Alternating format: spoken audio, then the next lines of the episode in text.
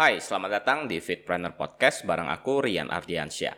Podcast ini ngebahas sisi bisnis marketing dan apa pun yang bisa meningkatkan value kita sebagai pelatih kebugaran. Jadi, ada sebuah keresahan yang mau aku ceritakan lewat episode podcast kali ini. Uh, teman-teman, aku tidak mencoba untuk menyalahkan konsep ini ya. Sekali lagi dalam dunia pemasaran, strategi orang itu bisa beda-beda dan itu wajar banget. Aku cuma mau cerita aja sudut pandangku mengenai konsep pemasaran yang konsepnya ini ya menyerang pelatih lain.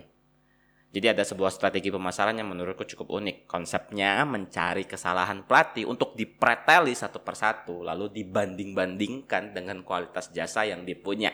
Misalnya ya, ada footage orang yang sedang latihan terus diambil lalu diposting ulang. Oke. Okay? Mungkin sebagian di blur mukanya atau bagi yang lebih barbar mungkin bakal langsung dipost nih. Kayaknya kalau orang yang barbar seperti itu kebal dari undang-undang ITE. Hati-hati ya teman-teman, regulasi di negara kita sekarang cukup ketat sekali. Uh, kalau misalnya kesannya yang ofensif ya, ya mending di blur atau ya jangan dipost sama sekali lah, buat jaga-jaga, main aman aja. Nah, kira-kira apa ya yang menjadi motivasi mereka untuk gunakan gaya pemasaran ini? Apa iya memang bisa menghasilkan uh, atau bisa mendatangkan klien lebih banyak dengan menggunakan jasa ini? Aku nggak tahu sih karena nggak pernah ya. Tapi ya bisa jadi, bisa jadi. Kalau menurut aku pribadi, cara ini cukup powerful untuk membangun kesan dalam tanda kutip lebih baik di benak audiens.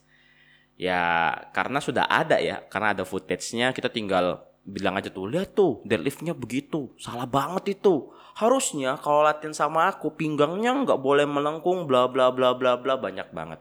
Ya jadi sudah kayak ada contoh salahnya dan posisinya kita orang-orang yang menggunakan kita lagi kan kayak enggak maksudnya orang-orang yang menggunakan strategi seperti itu bakal langsung masuk tuh seakan jadi heroes. Ya wah itu salah banget tuh kalau misalnya latihan sama aku harusnya begini begini begini begini.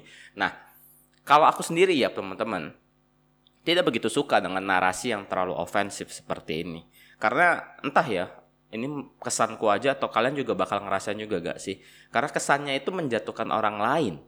Ya, di benak audiens mungkin sebagian merasa oh iya pelatih ini bagus. Tapi gimana kalau sebagian lagi bilang gila nih pelatih julid amat. julid amat. Belum lagi image kita dengan sesama pelatih ya kadang jadi males nggak sih kalau misalnya ketemu orang-orang yang menyerang rekan di dunia yang sama? Ya mencari nafkah di dunia yang sama diserang habis-habisan. Ya apalagi terlalu barbar aduh itu ngerasanya tuh perih sih kayak gila kalau seandainya pelatihnya tuh ketahuan ya maksudnya yang ngajarnya yang dalam tanda kutip salah versi si orang yang menggunakan strategi ini. Dilihat kliennya dan kliennya nggak mau lanjut lagi uh, dilatih sama orang tersebut ya terlepas dari benar salah cara dia mengajar ya ada orang yang kehilangan klien. Istilahnya ya kita nggak pernah tahu di rumah dia mungkin ada anak ada orang tua yang harus dibiayai. Aduh aduh perih banget sih. Ngeri ngeri ngeri ngeri.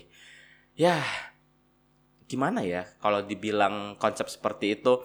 Karena menurut aku ya teman-teman untuk terlihat menonjol gak perlu sih untuk menyerang orang lain ya cukup fokus memasarkan apa yang menjadi kelebihan yang kita punya dengan cara yang kreatif tentunya supaya orang-orang tuh ya mau nonton, mau denger, mau baca. Ya, kalaupun mau menyerang, coba deh dengan gunakan narasi yang lebih aman. Misalnya kayak konsep-konsep satir misalnya gitu ya. Misal nih, misal lagi nih, kayak aku kemarin sempet upload konten yang ngebahas program 15 juta. Wah, itu cukup viral sih. Bagiku itu cukup viral karena jumlah jumlah share-nya banyak banget. Ini juga kayaknya gara-gara coach Bayu nih kemarin nge-share tahun diri ya coach Bayu followernya banyak banget. Aku sendiri nggak ada mencoba untuk menyerang secara barbar ya uh, program tersebut. Ya aku sampai sekarang pun aku nggak nggak pernah nyebut namanya sebenarnya. Bahkan produknya sendiri juga nggak pernah dimunculin di dalam footage. Ya kayak diceritain aja kayak satir ya satir. Nanti audiens juga bakal bakal paham ya tanpa harus diserang secara belak-belakan. Kalau menurutku cara itu lebih oke okay sih ketimbang harus harus nyerang secara membabi buta ya, terang-terangan. Disentil aja pelan. Nanti audiens juga bakal paham kok tanpa harus menyerang secara barbar. Nah, ya itu bisa dibilang uh, menyerang dengan indah.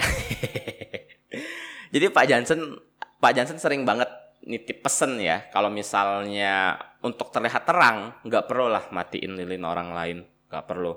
Ya kita tuh bisa sama-sama terang lilinnya sama-sama dijaga satu sama lain. Kalau misalnya secara value kita kuat bisa memberikan manfaat ke orang lain audiens lama kelamaan bakal sadar kok dengan keberadaan kita sebagai pelatih kebugaran. Nanti banyak sendiri kok uh, kliennya tanpa harus menjatuhkan pelatih kebugaran lainnya ya koneksi itu penting banget teman-teman dan aku mulai merasakannya sekarang uh, menabur koneksi ya bibit-bibit koneksi dari dulu itu nggak gampang kalau misalnya kita sistemnya begitu, kira-kira image kita di pelatih lain gimana sih? Karena hidup ini bukan cuman masalah uang aja ya. Kalau misalnya kita udah mulai nggak disukai, udah banyak yang bete, wah itu bakal gimana ya, bakal nyusahin lah di kemudian hari. ya pokoknya nggak ada temen tuh nggak asik lah. Ya kalau bisa kita tuh kerja, dapat duit, ngajar yang banyak, temen juga banyak, ya pasti enak lah, makmur lah hidupnya. Ya, jadi segini dulu deh teman-teman. Kalau ada topik atau ide yang mau dibahas di dalam podcast ini bisa DM aku aja ya. Thank you buat yang udah dengerin sampai habis. Sampai ketemu di episode selanjutnya. Bye bye.